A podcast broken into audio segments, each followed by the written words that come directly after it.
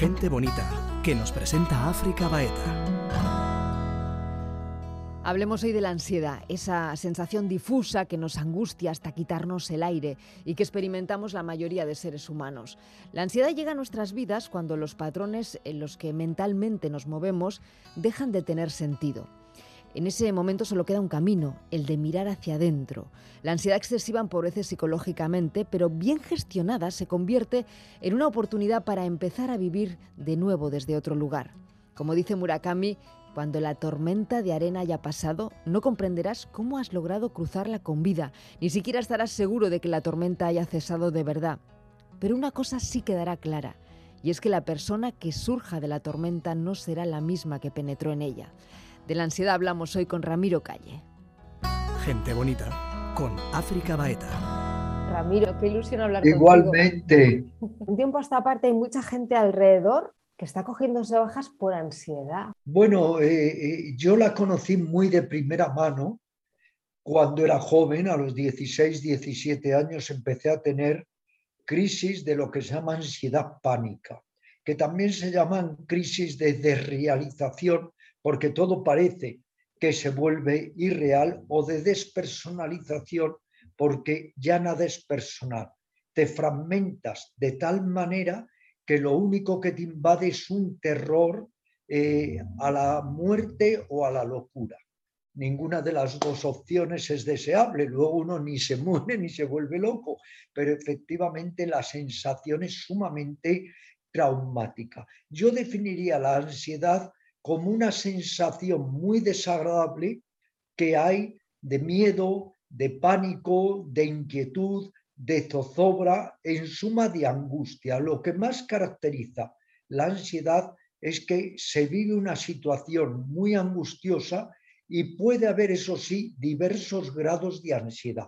Hay desde lo que llamaríamos una ansiedad flotante, que es esa especie de rumor interior de inquietud, pero que está ahí, es desagradable, pero no se incrementa y hay luego lo que llamamos las crisis pánicas de ansiedad que son verdaderamente traumatizantes. En cualquier caso, la ansiedad nos impide disfrutar, en cualquier caso nos mantiene en un estado de hiperalerta y de miedo y de inseguridad y en lo posible esta es la estrategia, querida África, y por un lado que descender el umbral de la ansiedad. Ahora hablaremos cómo.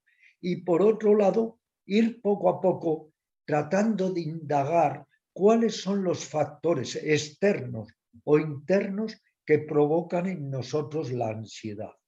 Claro, antes de hablar de, cuáles son las, herramientas para afrontar esa ansiedad, hay que buscar el origen, ¿no? Porque yo considero que siempre que nos ocurre algo de este tipo, eh, es porque hay detrás un mensaje muy potente. Hay que saber escuchar la ansiedad.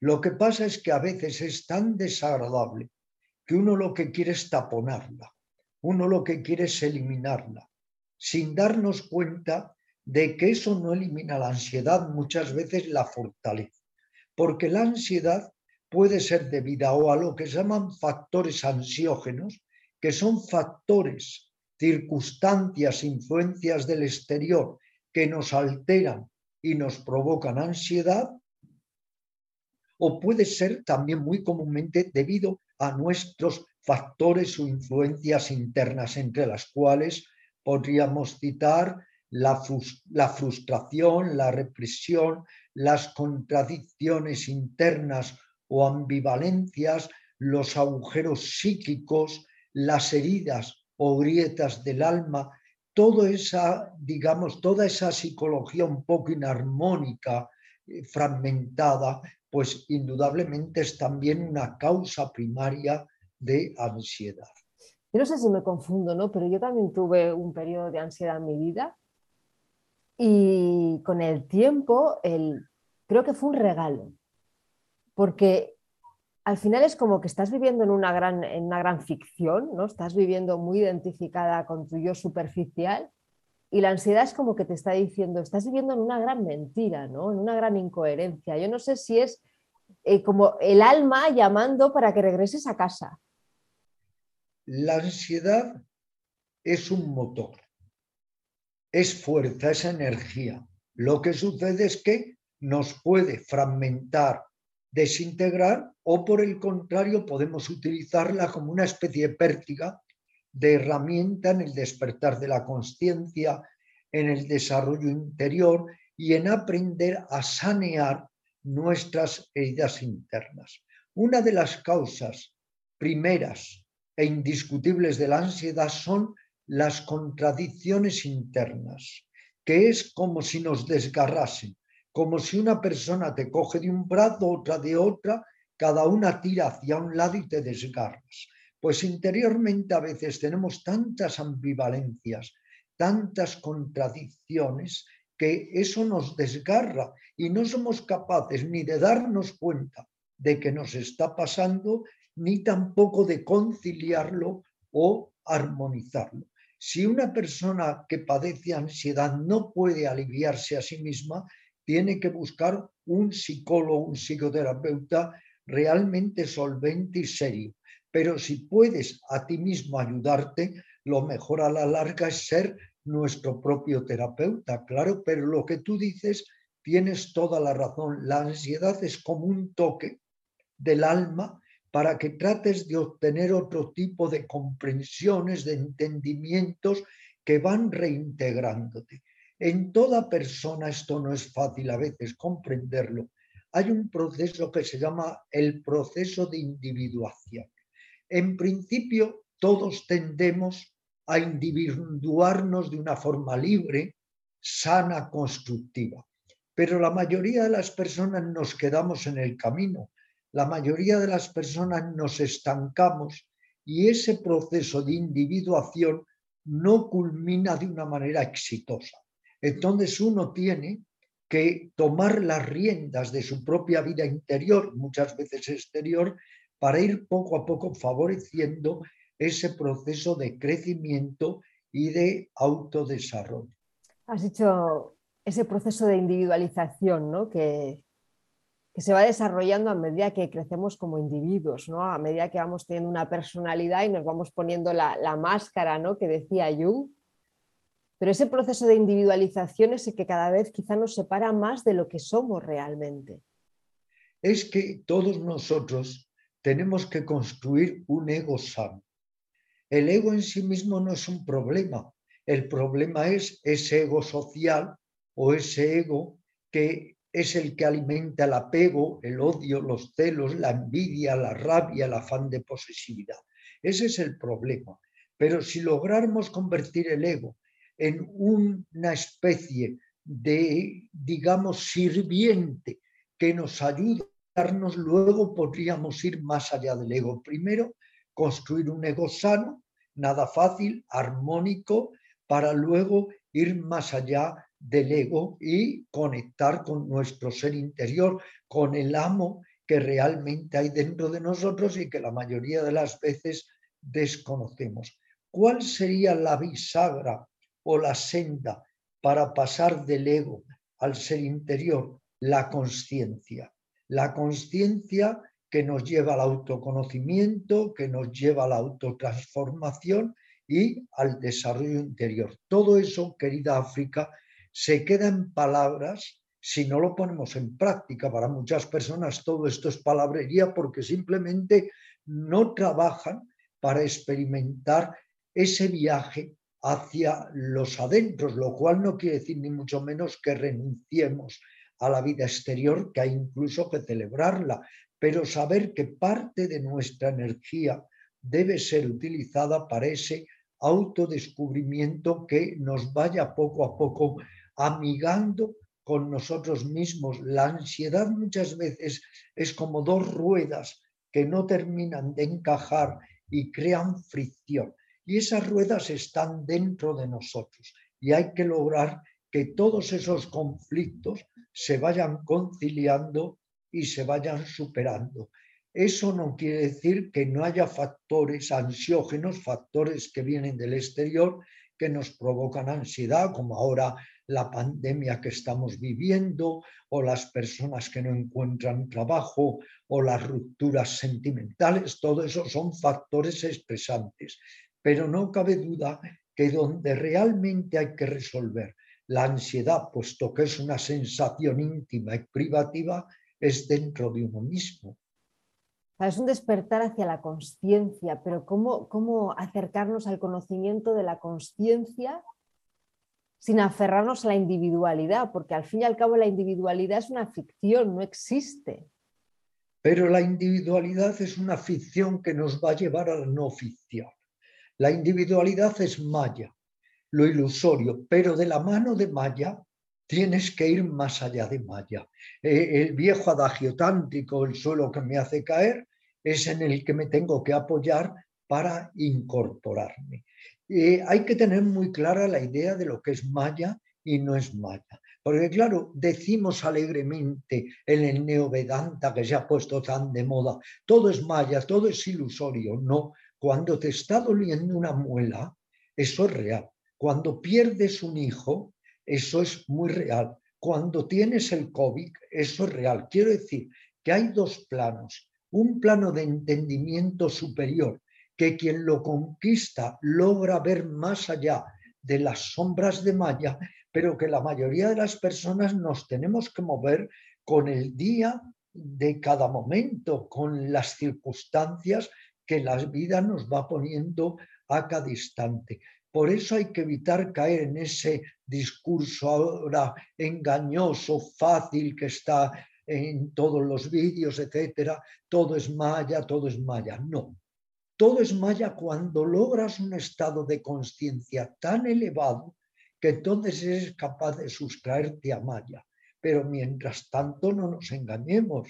Los mortales comunes estamos todos metidos en maya y lo que hay que hacer es utilizar ese faro de la mente, que es el discernimiento, para no dejarnos extraviar por el lado negativo de Maya. El lado negativo de Maya es lo superficial, lo superfluo, lo banal, todo lo que realmente nos roba el conocimiento de orden superior.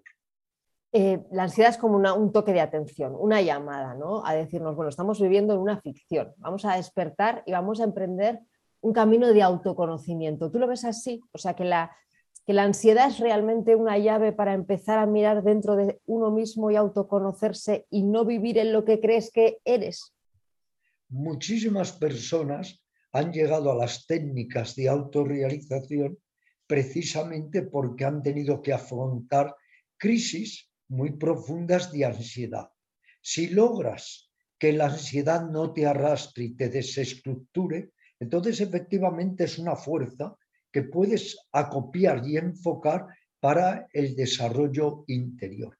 Por otro lado, la ansiedad es también una lección de humildad, de darnos cuenta que no somos supermanes, que todos estamos sometidos a la ansiedad, la soledad, la tristeza, la melancolía. Y lo que hay que aprender es a instrumentalizar estas aparentes energías o fuerzas dolorosas para nuestro despertar, nuestro desarrollo y sobre todo nuestro mejoramiento humano.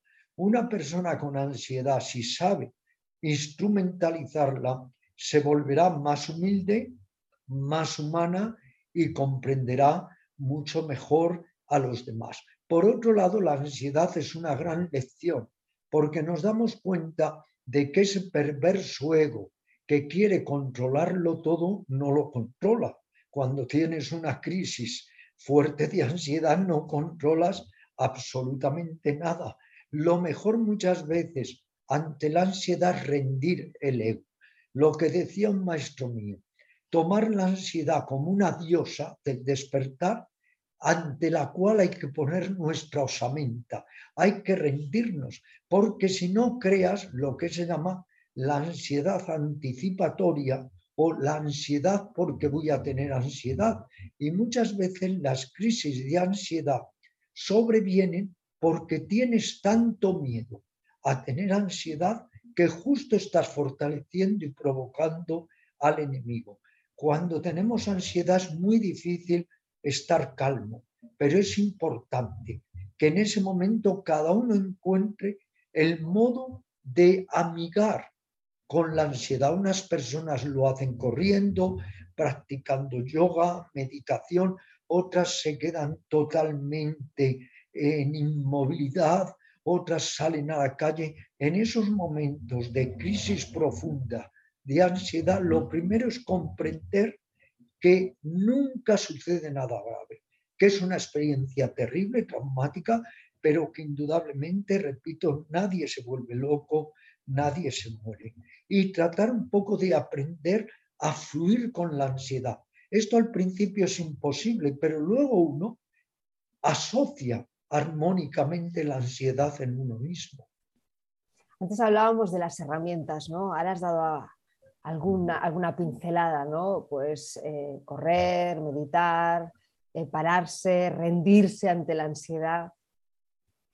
Muy importante practicar yoga físico, el trabajo consciente sobre el cuerpo, las posturas, el pranayama, la relajación profunda, todo aquello que nos ayude un poco a ir filtrando o a ir instrumentalizando la ansiedad.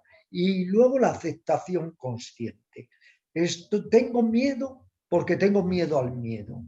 O cuánto sufro porque no quiero sufrir. O tengo ansiedad porque tengo miedo a la ansiedad.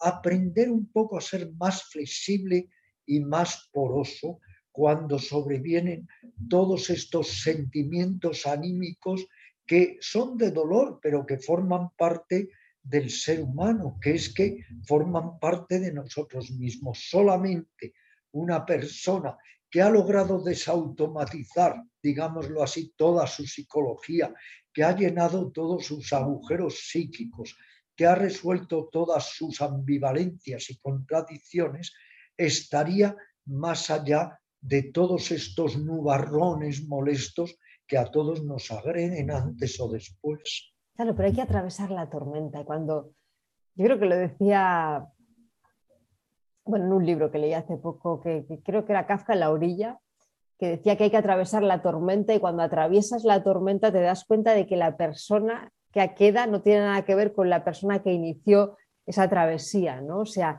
eh, cuando atraviesas la tormenta de la ansiedad, nace una nueva persona quizá porque muere la parte más ficticia de ti misma, ¿no? que está muy relacionada con, el pensamiento, con, los patrones, con las creencias. Cierto, esto es algo, África, que evidencio tanto en mi autobiografía espiritual como en mis memorias el viaje de mi vida, porque yo he sido un niño muy difícil, muy satisfecho, que me he sentido muy incompleto y que siempre he tratado un poco de mejorarme y de superarme. Y lo que evidencio es que he pasado por muchas noches oscuras del alma.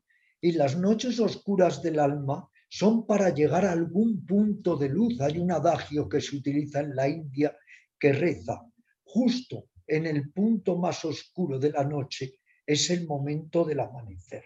Es cierto que muchas veces todos pasamos por esos caos o desfallecimientos o oscuridades psicológicas, pero es una ocasión, una oportunidad de oro para ir descubriendo quién es el adquirido en mí y quién es el real, y tener la capacidad de echar por la borda, arrojar por la borda aquel que no soy yo, pero he creído, me han hecho creer que soy yo, y abrazar aquel que realmente soy yo.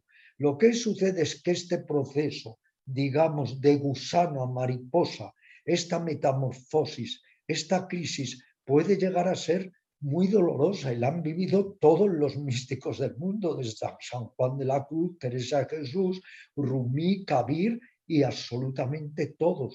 Es, digamos, ese viaje del alma hacia lo pleno, pero que pasa en momentos por una oscuridad que eh, a veces nos desbarata psicológicamente, pero es también otra demostración de que el pensamiento ordinario es insolvente y que el ego no tiene nunca el poder que queremos darle. Eso es también una falacia, eso es ficción. y los pensamientos son los que violentan nuestra propia paz, ¿no? Pero resulta muy curioso cuando tú has dicho, ¿no? Que, que que te sentías incompleto, que yo creo que es lo que nos pasa a todo ser humano, ¿no? que se siente incompleto, Pero luego, por otra parte, es muy curioso porque eh, la luz no necesita iluminarse. Realmente somos ya seres completos y tenemos una necesidad de, de completarnos que no sabemos dónde nace esa sensación, esa necesidad. Mira, no solo trabajamos en la búsqueda espiritual para desarrollar nuestras potencias espirituales más elevadas. Tenemos que trabajar, queramos o no, para armonizar y unificar nuestra muy deteriorada psicología. Todos estamos fragmentados, tenemos traumas, complejos, inhibiciones, represiones y un largo etcétera. Y todos tenemos grietas del alma y tenemos agujeros psíquicos. El problema es que esta sociedad nos engaña haciéndonos creer que con lo banal y lo superficial podemos llenar esos agujeros psíquicos. Y entonces lo que hacemos es agrandarlos cada día más y sentirnos cada vez peor. Esos agujeros psíquicos solo se pueden llenar de uno mismo a través del autoconocimiento, del descubrimiento de sí mismo, del trabajo interior.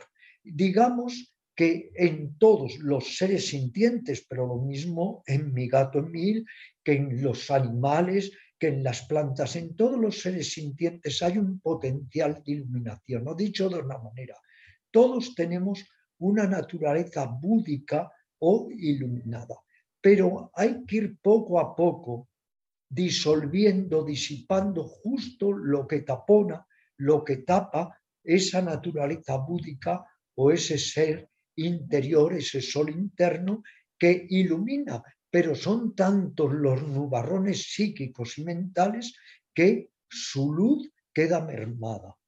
Es curioso, ¿no? Porque al final llegas a la conclusión que todo ese viaje, que yo creo que es en mi caso particular, el que da más sentido a mi vida, es el viaje del autoconocimiento, pero llegas a la conclusión de que el autoconocimiento realmente es el olvido del sí, del sí mismo, ¿no? de, ese, de ese yo que tú crees ser.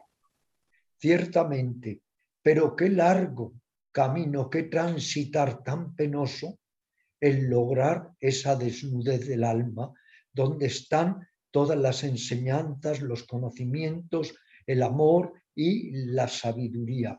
Digamos que tenemos que ir deconstruyendo, descodificando aquello que han ido codificando en nosotros desde que hemos nacido, los viejos patrones, los esquemas, la educación, los clichés socioculturales. Por eso es un trabajo no de poner más, no es de aprender más, es de quitar, es de desaprender. Se pone un ejemplo, es como un escultor.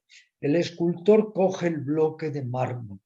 Para hacer la escultura no tiene que poner cosas en el bloque de mármol, lo que tiene es que ir quitando, cincelando para que se manifieste la escultura. Esa escultura interior está en todos nosotros, pero hay tantas cosas que tenemos que eliminar que eso es precisamente lo que llamamos el trabajo interior. ¿Qué es el trabajo interior? Es un trabajo que hacemos sobre nosotros mismos para humanizarnos, para evolucionar conscientemente y para poder darles a los demás y a nosotros lo mejor que hay en ese alma desnuda, pero que hoy por hoy está enturbiada por todos nuestros sentimientos negativos, nuestras emociones destructivas y un largo etcétera de insanías incontables. Y sin pretensión alguna, porque en el momento en el que tú decides ser espiritual, la espiritualidad te abandona. Es que lo peor que hay es a uno mismo etiquetarse de espiritual. O sea, estamos tratando de liberarnos de rótulos, de etiquetas y nos ponemos otros rótulos y otras etiquetas. Esto Pero eso ocurre en el camino, ¿eh? Mucho. Pero eso es tremendo. Esto es como el que deja su religión porque siente que es un corsé, que es una jaula y se mete en otra religión que sigue siendo un corsé y sigue siendo una jaula.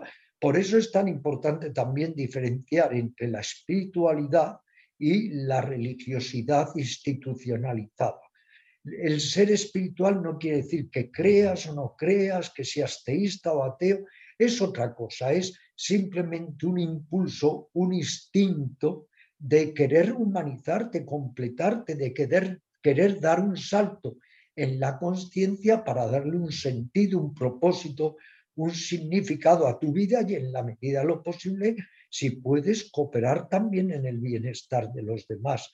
Y lo que antes apuntabas del pensamiento como ladrón de la paz interior, hay también que insistir un poco en ello.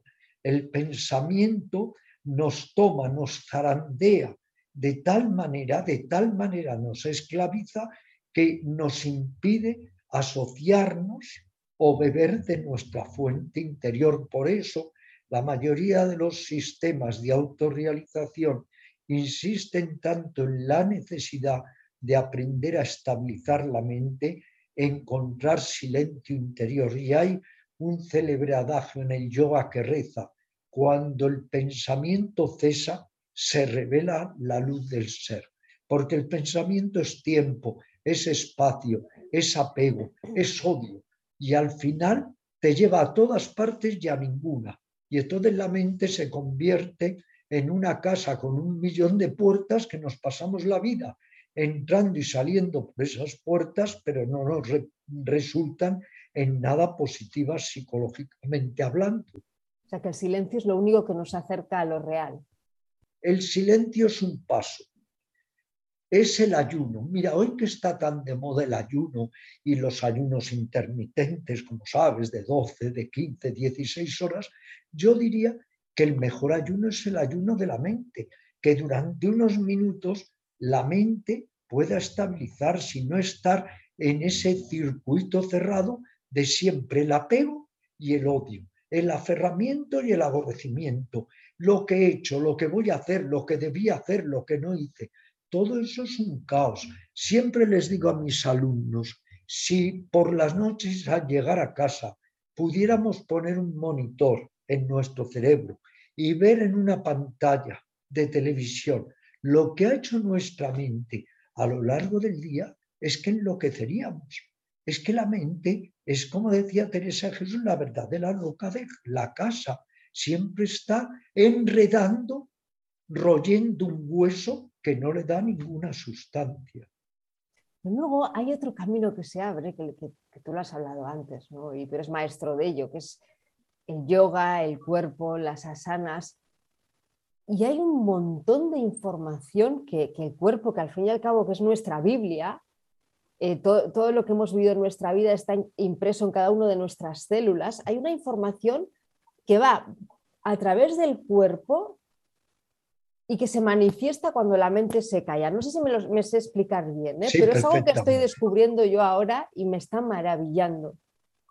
Es que es cierto, es que no tenemos realmente conciencia de nuestro cuerpo. El cuerpo tiene un lado totalmente físico, denso, pero tiene también un lado energético que podemos llegar a experimentar. Por eso, en la meditación hacemos una diferencia entre lo que son sensaciones burdas o toscas y sensaciones más sutiles, etéreas o más energéticas. Cuando uno va meditando y meditando, no solo experimenta las sensaciones burdas, sino también esas corrientes de energía o sensaciones infinitamente más sutiles. Lo que tenemos que entender es que este trabajo interior es toda una estrategia muy rica que nos viene dada desde la noche de los tiempos y es lo que se ha llamado la sabiduría perenne, una sabiduría que no pasa con los siglos, sino que cada vez está más viva. ¿Y esta estrategia en qué consistiría? En el trabajo consciente sobre el cuerpo, que es todo ejercitamiento consciente, incluida la respiración y la relajación, la meditación y las técnicas de concentración y visualización, las técnicas de autoobservación, de mirarnos en la vida diaria para irnos poco a poco descubriendo y conociendo Luego lo que llamamos el karma yoga, la acción un poco más desinteresada, más altruista, practicar también el discernimiento para ver las cosas con mayor claridad y desde luego la verdadera compasión. La verdadera compasión además es una manera fabulosa un método único de diluir la ansiedad, porque a veces estamos tan ocupados y preocupados de nosotros mismos que estamos hipersensibilizando sensaciones de tristeza, alegría, miedo. No, si te ocupas un poco más de las otras criaturas, verás que estas emociones o sensaciones desagradables también disminuyen o incluso esto es el milagro, se desvanecen. Por eso es una gran terapia la compasión. Cuando ejercemos la compasión, no solo estamos favoreciendo a los demás, lo que no nos damos cuenta por nuestra torpeza es que el primer beneficiario es uno mismo. Sí, pero para llegar a ese punto de compasión, y tú lo has dicho, la auténtica compasión, no la compasión ficticia de la mente, yo creo que para llegar realmente a, a vivir desde la compasión, tienes que haber hecho un trabajo personal muy grande, porque si no puede ser una compasión ficticia.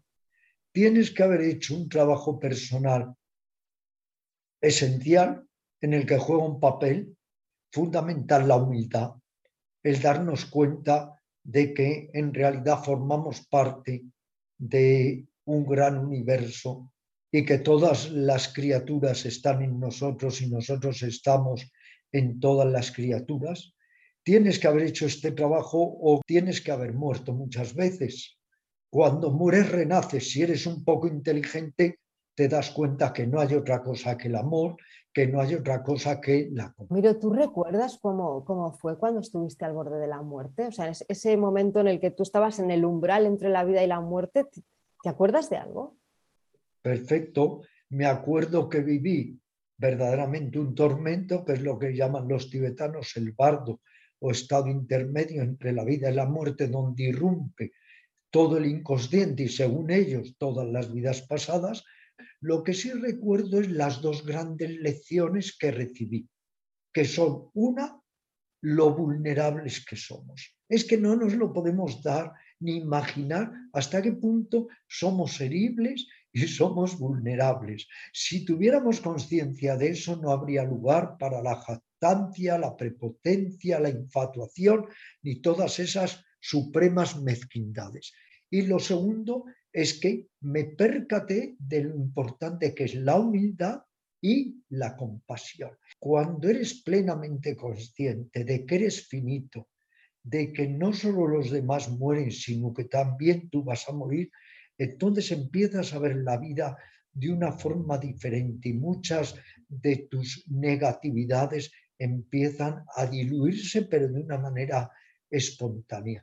Y luego está lo que llamaríamos la muerte iniciática, a través efectivamente de las noches oscuras del alma, esas crisis que vivimos a veces tan profundas, tan desgarradoras, que o te vuelves loco o amaneces a una nueva manera de ser y de sentir. Lamentablemente mucha gente se vuelve loca, loca no en el sentido, digamos, literal de la palabra, pero terminan ya de descentrarse porque creen que pueden salir de esas noches oscuras del alma a través de la droga, a través de la diversión, más diversión, a través del alcohol, a través de la petulancia, y eso lo que hace es que aumenta las oscuridades de nuestras noches oscuras del alma. Decía Ramana Maharshi, y un día descubriremos entre grandes carcajadas que nunca hemos dejado de ser el que siempre hemos sido. Ramiro, sabes que soy súper afortunada de poder conversar contigo. Gracias. Es un placer enorme. Este regalo de vida. Falta que lo hagamos nada. El regalo es para mí. Eres una soberbia entrevistadora. Se lo digo a tu ego porque sé que tu ser no le importa eso, pero a tu ego. Eres prodigiosa entrevistadora y es un placer que sigamos conversando y en la medida de lo posible, pues juntos explorando un poco lo que somos, pero también lo que podemos llegar a ser. Gracias. Gracias, muchas gracias. Muchas gracias, ¿eh? gracias por todo. Gracias. Si no podemos decir, soy Puedes ver la entrevista completa en nuestro canal de YouTube Gente Bonita y si deseas seguir profundizando, te invito a escuchar otras conversaciones en ITV Podcast. Soy, soy, no quiero piedad, no busco aplausos. Toco mi propio tambor, dicen que está mal. Yo creo que es hermoso. porque tengo que amar según los otros dicen? Trata de las cosas de mi mundo. La vergüenza real es no poder gritar. Yo soy lo soy.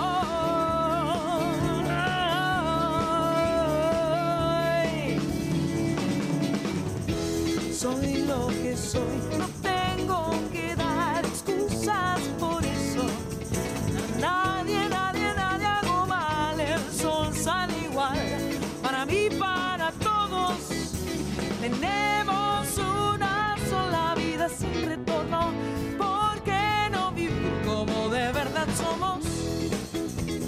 Quiero fingir, no voy a mentir.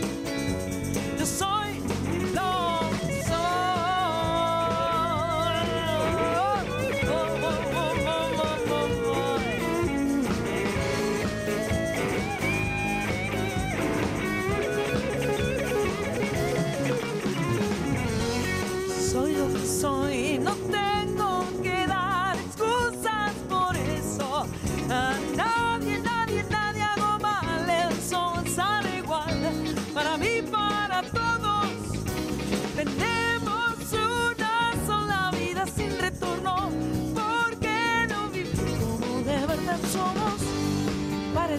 Hoy quiero gritar.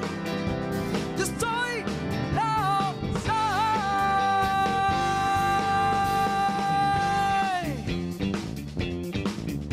Ah, soy lo que soy.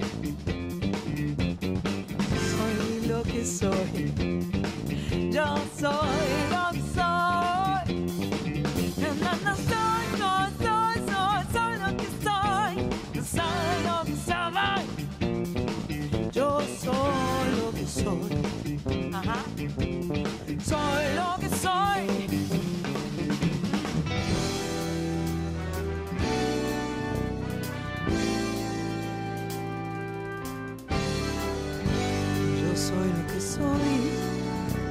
lo que soy.